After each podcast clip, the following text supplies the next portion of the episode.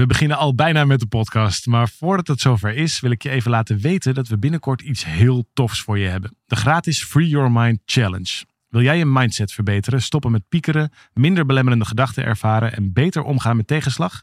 Schrijf je dan in voor deze challenge via www.365dagensuccesvol.nl slash challenge. Het is van 26 mei tot en met 29 mei en ik heb er heel veel zin in. We beginnen nu met de podcast.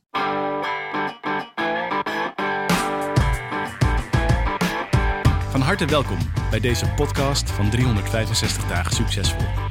Wij zijn David en Arjan en we delen in deze podcast de eye-openers die cruciaal zijn voor een gelukkiger leven.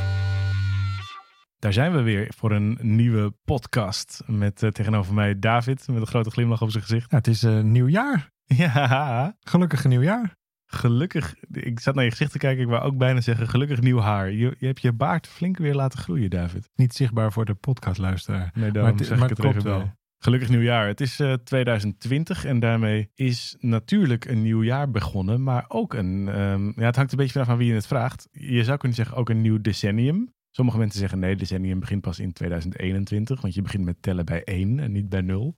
Maar wel start in ieder geval de jaren 20 nu. Nou, voor mij begint er gewoon uh, in ieder geval metaforisch desnoods, maar een, um, een nieuw decennium. Ik vind het mooi om in, in van dat soort blokken te Tijdperken. Nou ja, omdat je het, dingen, het, het orden dingen. Mhm. En, en zo hebben wij ooit, dat weet je ongetwijfeld nog, uh, gezegd, in 2020, daarmee bedoelden wij vanaf dit decennium, Ja. in 2020 is Nederland het gelukkigste land van de wereld. Ja, dat is toen wij starten met het nadenken over 365 dagen succesvol. Een van de eerste dingen die we gedaan hebben terwijl we het boek aan het maken waren, was het formuleren van een missie. Een, een mooie, helder, uh, richtinggevende stip aan de horizon. 2012. Ja. Dat was in 2012 en toen hebben we een datum gekozen. Een jaartal wat niet zo dichtbij voelde dat het uh, stress bezorgde. En dat het meteen ook uh, praktisch allemaal haalbaar moest worden. Maar ook weer niet zo ver weg dat het eigenlijk allemaal niet uitmaakte. Maar dat het net op zo'n punt zat dat je dacht, nou dat geeft ons wat tijd dat we het net niet helemaal konden overzien. En dat was 2020. En dat is het dus nu gewoon. Ja, dat is nu. En als ik je nog even meeneem naar die tijd. Voor het geval dat je als luisteraar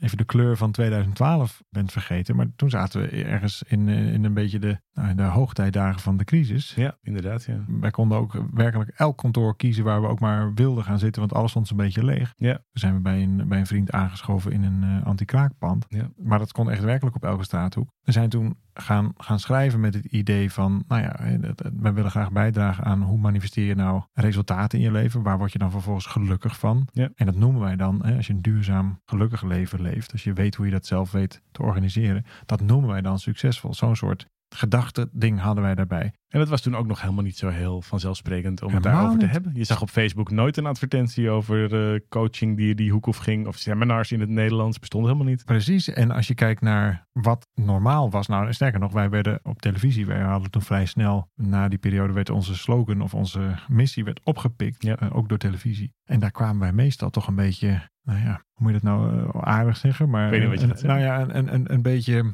Het woord frustratie probeer ik te vermijden, maar daar komt het eigenlijk op neer. Een beetje gefrustreerd van vandaan, omdat wij echt wel het idee hadden van jongens, het is hier tijd voor, laten we dit gaan doen. Ja. Maar het werd gewoon niet echt serieus genomen. Nee. En, en wij stonden ook als land, want er worden lijstjes van bijgehouden, daar kwam het ook een beetje vandaan. Ja. Wij stonden toen volgens mij niet eens in de top 10 Nee. in de tijd. 13 stond Dacht ik ook, Ja, ja. ja, op de lijst van de Verenigde Naties. Dus er was ook wel werk aan de winkel. Als je dan toch wel zo'n beetje op het meest ondernemende vrije stukje wereld bent geboren. Als, je, als je daar, we hebben, we hebben wel de mogelijkheden. Nou ja, als je dan ook kijkt wat er in al die jaren is gebeurd. Nou wil ik dat niet volledig aan ons toeschrijven. Maar we- Volledig. Oh wel? Oké. Ja, in ieder geval hebben we een gemene poging gedaan. En dan is het nu tijd, het nieuwe decennium voor de deur. Is het dan ook gelukt? Ja, dat is een goede vraag. Want wij hebben natuurlijk gezegd, en het stond ook aan het begin in, eh, in al onze communicatie. Ik weet het nog dat het op de website stond, of op folders, of eh, in onze boeken. In 2020 is Nederland het gelukkigste land van de wereld. En we hebben ergens, volgens mij was het in 2016 als ik het me goed herinner, maar misschien was het 2017. Maar volgens mij in 2016 hebben we dat jaartal losgelaten. Vanaf dat moment zijn we gaan zeggen, wij maken Nederland het gelukkigste land van de wereld. Ik denk dat het waardevol kan zijn om je iets mee te nemen in waarom we die keuze hebben gemaakt toen de tijd. Nou ja, en wat volgens mij aardig is om op te merken, dat al die jaren daarna is Nederland wel op die lijstjes in ieder geval steeds iets gelukkiger geworden. Ja. Er zit een, een stijgende lijn in. Ja. En tot en met echt wel in de hoge regionen. Dat vind ik dan ook wel weer grappig. Vijfde plek nu, hè? Precies. Dus, en we hebben inmiddels de gelukkigste kinderen. Dus er, er is wel wat eh, gebeurd in, Ja. die, in die jaren. Er is ook wel een behoorlijke parallel te trekken met de economische toestand. Want we zitten inmiddels al lang niet meer in die, Zeker. in die crisis. Dus er er is heel veel in die omstandigheid natuurlijk allemaal aan te wijzen. Dat doet er ook allemaal niet zo heel veel toe. Maar wat interessant is, is dat wij inderdaad op een gegeven moment die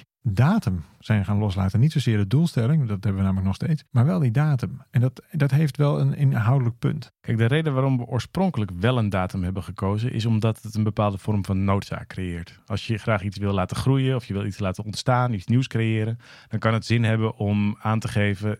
Tegen dan en dan, ongeveer in die tijd, wil ik dat het deze effecten gaat hebben. Want daarmee voel je ook meteen in je lijf dat, je, dat het serious business is. Dat je aan de slag mag en dat je dingen moet gaan doen en aanpakken en niet te lang meer eh, moet blijven wachten. Want de tijd gaat voorbij. Dus voor ons hielp dat in het begin heel erg om gemotiveerd te raken, om eh, al in te gaan en er heel hard aan te werken om te zorgen dat het zou lukken. En tegelijkertijd was het ook net ver genoeg. En daardoor gaf het ons heel veel richting, gaf het ons heel veel energie en motivatie. Maar was het heel duidelijk een missie. En een missie is niet hetzelfde als een target. Want een target is iets wat je wilt halen. Dat is een doelstelling die je moet, eh, die moet lukken. Dat is weet je, misschien dat zelfs daar je begroting op is, eh, is ingericht, bij wijze van spreken. Dus je wil dat je je doelstellingen altijd haalt. En daarom heeft zo'n missie ook op een bepaald jaartal te staan, wat net ver genoeg is, zodat het wel motiveert, wel energie en richting geeft, maar je niet de stress bezorgt die een target je zou kunnen bezorgen. Ja, ondertussen gingen de jaren voorbij. En toen langzamerhand veranderde zo'n beetje, doordat het gewoon steeds dichterbij kwam, veranderde die missie in een target. Ja, nou, dat en, en het jaartal kwam gewoon simpelweg te dichtbij. Kijk, het voordeel is als er veel jaren tussen zitten, dan, dan is er niemand op de wereld die jou kan aanspreken op ja, dat kan toch niet. Want Nee. ja, als er nog acht jaar tussen zit, dan, dan kan, er, kan er nog van alles. De hele zonvloed kan nog plaatsvinden in Ja. de tussentijd. Dus het is helemaal niet logisch om daarover te debatteren. En dat Of het geeft je- realistisch is, bedoel ik. Exact. Dus Ja. het geeft je wel de richting, want daar gaat het natuurlijk over. Dus de richting van de missie, maar niet de druk van, oh je het zit nu zo dichtbij. En dan gaan mensen aan je vragen en jou ook aan jezelf, hey, waarom is het er nog niet, waarom is het er nog niet? Ja. Ja, toen wij in 2016, 2017 aankwamen, dan komt eigenlijk die datum te dichtbij. Dan wordt 2020 ineens wel degelijk een target. En dan ga je ineens ook andere keuzes erop maken. Dat, Ja. En daarmee is het niet een slechtere doelstelling eh, eh, geworden. Het wordt alleen een doelstelling. En dan mis je eigenlijk weer dat richtinggevende ding wat daar dan achter zit. Ja. Dan hadden wij de mazzel dat we wel hard stegen op die lijstjes. Of wij als, als, als Nederland. En dan David en Arjan als mensen die daar een keuze in maakten. Oké, nou daar, daar gaan wij aan bijdragen. En dat, dat hielp. Maar vervolgens steeg het eigenlijk te hard om er nog daadwerkelijk een missie aan te kunnen voelen. Snap je wat ik bedoel? Nee? Nou, kijk, als je op plek 13 staat, dan is er gewoon nog een hoop te doen. Ja. Op het moment dat je op plek 5 staat met al de gelukkige kinderen, dan kun je de vingers op natellen. Dan dan over een paar jaar is Ja, er komt niet zoveel magneet meer vandaan, bedoel Exact. je? Ja, en dan ja. wordt het, het laatste hobbeltje is veel moeilijker. En dan wordt dat een soort van target. Nou, als je dieper kijkt, en dat vind ik eigenlijk het leuke van de laatste jaren. Wij, wij zijn ook helemaal niet meer zo bezig geweest met hoe maken we nou Nederland gelukkig. We hadden daar inmiddels een programma omheen eh, bedacht wat we nog steeds eh, geven. We, hadden- we hebben inmiddels met duizenden mensen werken we daarop samen. We hebben een programma eh, op, op school draaien enzovoort. Dus er is hartstikke veel gebeurd. Er is ook heel veel water onder de brug gegaan, letterlijk. Dus het heeft iets anders nodig. En in Ja. plaats van dat wij hebben nagedacht over, nou daar hebben we ook wel even over nagedacht, maar om een hele nieuwe missie te formuleren, hebben we eigenlijk naar de diepere laag van die missie gekeken. Ja. En ik denk eigenlijk dat dat ons op dit moment veel meer helpt dan dat we weer opnieuw een soort ja, sloganachtige missie gaan Nou, de, de, de manier waarop wij een missie samenstellen. Een, een missie is natuurlijk een wat, wat groter woord. Komt volgens mij zelfs oorspronkelijk uit de christelijke eh, soort van eh, het bekeren. Het, het, Mhm. het, het grote verhaal vertellen. Maar zoals wij het toepassen, ook in onze methodiek. Zoals we het ook leren aan bijvoorbeeld mensen die onze opleiding volgen. Is dat een missie eigenlijk bestaat uit verschillende elementen. Namelijk iets waar je heel goed in bent. ehm, iets waar je vervolgens ook je brood mee kan verdienen. En iets, en daar komen we uiteindelijk, daar zit ook de ziel in. En daar zit volgens mij het, het hart van die missie in dat je ook in, eh, in die missie invoegt wat je daadwerkelijke passie is. Wat je een soort van je eigen persoonlijke opdracht is die je hier op aarde te doen hebt. En daar, weet je, sommige mensen noemen het je why, anderen noemen, noemen het je purpose. En dat zit als het goed is verpakt in je missie. Het is niet genoeg om dat alleen maar je missie te laten zijn. Daar heb je ook nog bepaalde competenties voor nodig om te zorgen dat je wat verder erin komt. En je hebt als je het, eh, zoals wij, een, eh, een onderneming van wil maken, heb je ook te zorgen dat je ervan kunt leven. En zo zijn er wat meer ingrediënten. Maar het helpt heel erg om wel terug te komen op. Joh, waarom ben ik dit eigenlijk ook alweer ooit begonnen? Wat is nou de daadwerkelijke golf die ik eh, in beweging wil zetten? Of wat is het verschil wat ik wil maken? Misschien zelfs wel, wat is hetgene wat ik ooit wil achterlaten als, het, als mijn tijd erop zit? En dat zijn, ehm, dat, is wel mooi dat omdat we wat minder bezig waren met die 2020 Nederland gelukkigste land, kwam er wat meer ruimte om na te denken over dat stuk. Wat is eigenlijk onze stem die we hier de wereld in, uh, in sturen? Kijk, wat, wat ons heel goed helpt, is het kiezen van een richting. Ja. En dat kun je doen door te kijken naar waar ben ik vandaag en waar, ben ik, waar wil ik uh, morgen uitkomen. Ja. Maar je kunt het ook doen, en dat is uh, de route die wij steeds lopen, is hey, waar, waar wil ik morgen uitkomen en wat heb ik dan vandaag te doen? Ja. We draaien dat eigenlijk om. Ja. En nou ja, zoals jij net uh, mooi uitlegt, heeft die missie zo zijn magnetische werking gehad. En is het nog steeds gewoon een hele mooie zin. En is dat ook iets wat voor altijd kan blijven. Ja, ben je ook wel trots op of zo. Heb jij dat niet? Zeker. En het, Ja. is, het is ook heel fijn om daar aan te werken. En, het is en nog veel fijner om te zien dat het in heel veel gevallen ook lukt. Dus dat mensen zichzelf ook veel gelukkiger a- Tuurlijk. achten. Dat ze daar ook veel gelukkigere keuzes maken. Ja. Kijk, op het moment dat je doorkrijgt dat de, dat de kwaliteit van je leven wordt bepaald door de keuze die je maakt. Ja. Kwaliteit van je keuzes.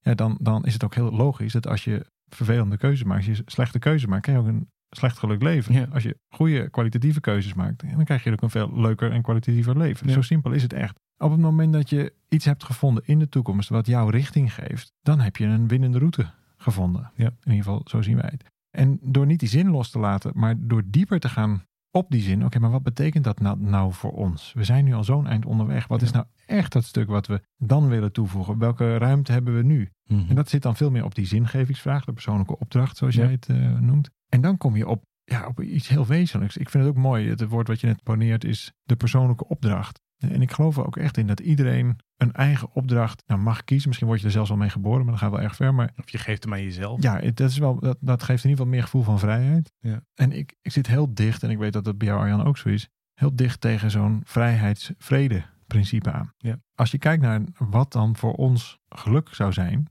wanneer is dat dan zo? Op het moment dat er een samenleving is waarin mensen in liefde, overgave, vrijheid, overvloed misschien wel, Ja. met elkaar samenleven, dan heb je een heel ander soort samenleving Ja. dan een aantal jaar geleden en misschien zelfs wel dan nu. Ja, die veel minder gestoeld is op concurrentie of op eh, competitie of op polarisatie of op het uitvergroten van verschil of op het uitvergroten van conflict. Maar vooral gericht is op, joh, hoe maken we het nou samen deze wereld beter? In plaats van daar heel Ja. politiek in te zijn of in plaats van daar heel, ehm, nou ja, polariserend. Dus elke keer het uiterste te zoeken. Maar dat je juist gaat zoeken naar wat je samen deelt en vanuit daaruit probeert om dingen mooier te maken. En dat is natuurlijk een veel menselijker principe. Uiteindelijk zijn we veel socialer wezens dan we Ja, de laatste, nou misschien wel de laatste honderd jaar hebben gedacht dat we zijn. ja. Het is ook veel leuker met elkaar. Je ziet het ook elke keer weer. Dat we Ja. uiteindelijk veel meer en eh, het ook beter werkt als je elkaar opzoekt, als je het samen doet. Maar Eh, ik geloof ook oprecht, weet je, uiteindelijk denk ik dat de kracht van liefde, dat dat zo'n sterke kracht is. In ieder mens schijnt een licht, volgens mij. En dat licht Mhm. is een variant op liefde. En dat kan, is liefde voor andere mensen, maar dat is ook liefde voor de wereld om je heen. Of dat is liefde voor de dingen die je doet of maakt. En soms is die liefde zo sterk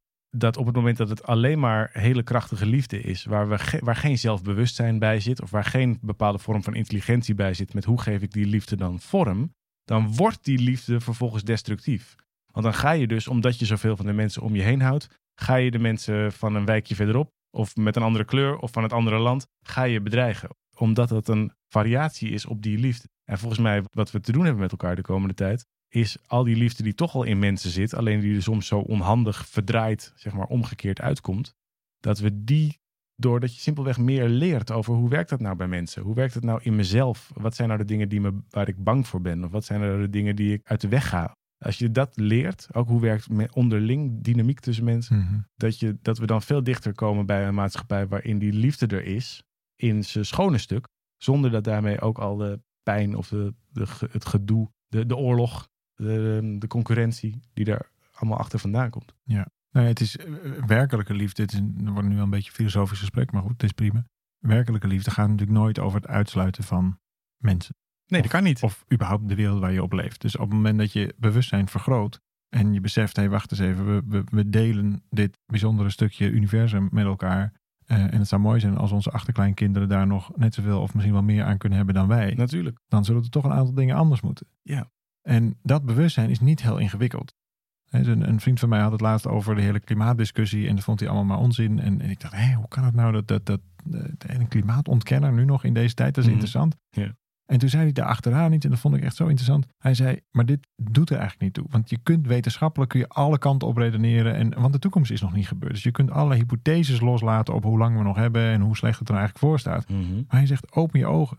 Kijk eens hoeveel plastic er in de zee drijft. Daar heb je geen wetenschapper voor nodig. Dan moet je gewoon opruimen. Precies. Kijk eens hoe, hoe, hoeveel eh, eh, zuurstof of niet zuurstof of stikstof, weet ik veel, in, de, in, de, in de atmosfeer is. Dan kun je gewoon anders doen. Ja. En zo zijn er een paar dingen, daar hoef je helemaal geen toekomstscenario's op te schetsen. Die kun je gewoon een mooiere doen. wereld wil. Ja. Exact. Ja. Een wereld die dus includeert, die je met elkaar deelt. En dus verder gaat dan de grens of een taalgrens of een inkomensgrens of whatever. Ja. Eh, maar een wereld die je met elkaar deelt en die je klaar maakt, die je overdraagt aan je achterkleinkinderen. Dat zit voor mij in ieder geval persoonlijk veel dichter tegen een liefdevol stuk aan. Ja. Zorg dragen voor de generaties na jou. Als je dat gaat doen, dan gaan er denk ik een aantal dingen heel anders. En wanneer kom je daar aan toe? Op het moment dat je er een beetje uit bent met jezelf. Dus op het moment dat jij nog heel erg in de overlevingsstand moet, omdat er veel van je verwacht wordt, omdat je in een bepaalde rat race zit, je hebt helemaal een hypotheek te betalen, je hebt nou helemaal dit, Ja. je hebt nou helemaal dat, dan kom je daar minder aan toe. Ja. Er was toch ooit ook iemand die zei van, je zou eigenlijk vijf minuten per dag moeten mediteren en als het niet lukt, Als je daar geen tijd voor hebt, dan, dan moet je een tien uur per minuten, dag. Ja, precies. Dan moet je tien minuten per dag mediteren. Martin of een uur Luther King dag. Precies. En ik denk dat dat in deze ook waar is. Dat we zo op kunnen gaan in de, nou ja, de waan van de dag. En het eigenlijk niet ontwaakte stuk. Eigenlijk is dat een soort van doorrennen. En aan het eind terugkijken. Hoe heb ik het wel een beetje oké gedaan. Ja. Terwijl we komen natuurlijk nu in een, in, in een tijdsgevricht. Waarin er veel meer momenten van bezinning kunnen zijn. De koning had het er zelfs over in zijn, Ja. in zijn, in zijn kerstspeech. ja, dat is mooi. Hè? Nou ja, het, het, het is in ieder geval iets wat gangbaarder wordt. Daar kun je ook van alles van vinden. Maar ik denk dat we, waar het dus toen wij begonnen in 2012 heel raar was om over geluk te praten. En het daar met mensen zelfs over te filosoferen en te studeren in zaaltjes. Is Ja. dat nu veel gangbaarder. Ja, dus het voelt ook alsof het soort logischer wordt om eh, de lat te verleggen, toch? Toen naar een, eh, dat, we hebben was gezegd, het is niet, helemaal niet per se de bedoeling van je missie dat je hem ook haalt. Het is vooral de bedoeling dat je er energie van krijgt en dat het je richting geeft. En als je, als je dromen je niet klamme handjes bezorgen, dan zijn ze eigenlijk niet groot genoeg. Nou ja, van Nederland gelukkigste land, we zijn van 13 naar 5 gestegen. Ik krijg er geen klamme handen meer van. Ik word er nog wel door geïnspireerd. Nee, dat is Maar ook ik zo. vind Het is ook- helemaal Ik vind mee het mooi om, eh, om Nee, te kijken van, joh, wat is, du, wat is de volgende, ehm, wat wordt de volgende Nou, en stap? vooral omdat we al de gelukkigste kinderen hebben. Want dat is namelijk Ja. de toekomst. Ja. Dus dan hebben ze er in ieder geval al even aan kunnen ruiken. Ja. En dat is, dat is mooi. En daarna mogen ze het zelf eh, verder vormgeven. Nee, dus dat, volgens mij is dat hartstikke goed gelukt. Het heeft ons enorm goed geholpen. En dan vervolgens kijk je verder. En ja, ik heb nog wel zin in nog een rondje. Ja, er staan weer tien jaar voor de deur. zeker. Wij hebben elkaar nog eens goed aangekeken van willen we dit eigenlijk nog? Nou, ik eh, vond het een feest eh, de afgelopen acht jaar. En daarvoor werkte trouwens een ander verband ook al samen. Was ook heel prettig. Dus ik ga nog wel een rondje. Jij hebt er ja tegen gezegd. En toen hebben we elkaar weer aangekeken. Oké, wat dan? Als Ja. we dan toch dit hebben weten vorm te geven. Waar krijgen we dan weer klamme handen van? Hoe zou het er dan uitzien als je dat liefde in een ander licht zet? Met veel meer die zielsbestemming daarachter, die persoonlijke opdracht. Ja, dan kom je op een heel nieuw soort. En ook een heel veel groter stuk waarvan we echt geen idee hebben hoe we dat dan zouden moeten doen. Ja, en dat klinkt dan toch anders. Wereldvrede. Wereldvrede. Waarom niet? Nou ja, het gekke is als ik het nu zeg, ik zeg het zo, ehm, Voice-overig. Nou maar ook met het gevoel van, joh, dat kan toch niet of zo. Het slaat helemaal nergens op. Wie denk je wel niet dat je bent? Maar ik weet nu dat dat dezelfde gedachten waren als die ik had toen we zeiden Nederland het gelukkigste land van de wereld. En nou, daar hebben we een hele hoop in bewogen. Daar is een heleboel in gebeurd. Het heeft een heleboel in gang gezet. Dat is voor heel veel mensen heel waardevol geweest, heel helpend geweest. En dat is het nog steeds en dat blijft het de komende tijd ook. Dus als ik nu voel, oké, wereldvrede, dat heeft zo'nzelfde, in mijzelf maakt dat zo'nzelfde bijna, hoe noem ik, bijna euforie van enthousiasme maakt dat los. En het hoeft niet te lukken. Nee, Dat zal het ook zeker niet door. niet, niet in onze tijd, uit- niet door David en nee, niet alleen maar door ons. eh, Maar het gaat er vooral om: ben je bereid om eraan bij te dragen en geeft het richting. En hier moeten we natuurlijk nog verder op kouwen. Welke keuzes maak je dan? Het helpt enorm om die, eh, nou, de richting weer opnieuw te kunnen kiezen. Wat doen we wel, wat doen we niet? Ik vind het prachtig dat we überhaupt die mogelijkheid hebben. Ja. Dat we gewoon nog weer tien jaar door kunnen. Dat vind ik sowieso al fantastisch. Dat we daar een nieuwe weg in gaan slaan. Hoe die er ook maar uit gaat zien. Maar Ja. daar heb ik in ieder geval super veel zin in. Ja. En en passant zal Nederland ongetwijfeld nog wel gelukkiger worden. Want ja, wij zullen niet zo snel uit Nederland vertrekken. Want dat is toch een heel fijn stukje om te zijn. Dus al met al, eh, wereldvrede als nieuwe stip op de horizon. Eh, de bezieling, de, de verdieping daar, daarin gevonden. In ho- hoe is het nou om vanuit liefde te leven? Hoe is het om vanuit overvloed eh, te leven? In ieder geval de gedachte van overvloed. En hoe gaat het er dan uitzien? Nou, wij hebben ook nog geen idee. Maar in ieder geval eh, genoeg stof om over na te denken voor de komende tien jaar. Wereldvrede. Ik zeg het gewoon nog een keer, kijken hoe dat voelt. Ik ben heel eh, benieuwd als je, dit, uh, als je hierna zit te luisteren. Um, we hebben een aantal dingen met je gedeeld, ook over hoe je zo'n missie maakt en wat dat voor voordeel voor je kan hebben. Maar ook daarin iets gedeeld over het proces waar we zelf in zitten. Ook weer met het vernieuwen van onze missie 2.0 achter uh, 365 dagen succesvol. En ik ben heel benieuwd wat jouw idee daarbij is. Als je dit zo hoort, laat alsjeblieft iets van je weten. Um, of je er energie van krijgt, of je er uh, onderdeel van wil zijn, of je er iets totaal anders van vindt. Ik ben gewoon heel benieuwd naar Of wat je eigen missie is. Als je, er, als je zo'n heldere stip op, op de horizon hebt of een 0.1 versie, dan horen we ook graag van je. Sowieso te gek. En weet ook dat op 365 podcast.nl er altijd meer te lezen, te doen valt. Wat je um, over het algemeen van ons cadeau krijgt. Uh, als je je verder wil verdiepen in dit soort dingen. Dankjewel dat je hebt geluisterd. Als je hier enthousiast over bent, deel het vooral met uh, andere mensen. En wij gaan er gewoon volgende week weer nog eentje van je maken. Ja, heel gelukkig nieuwjaar en tot volgende week.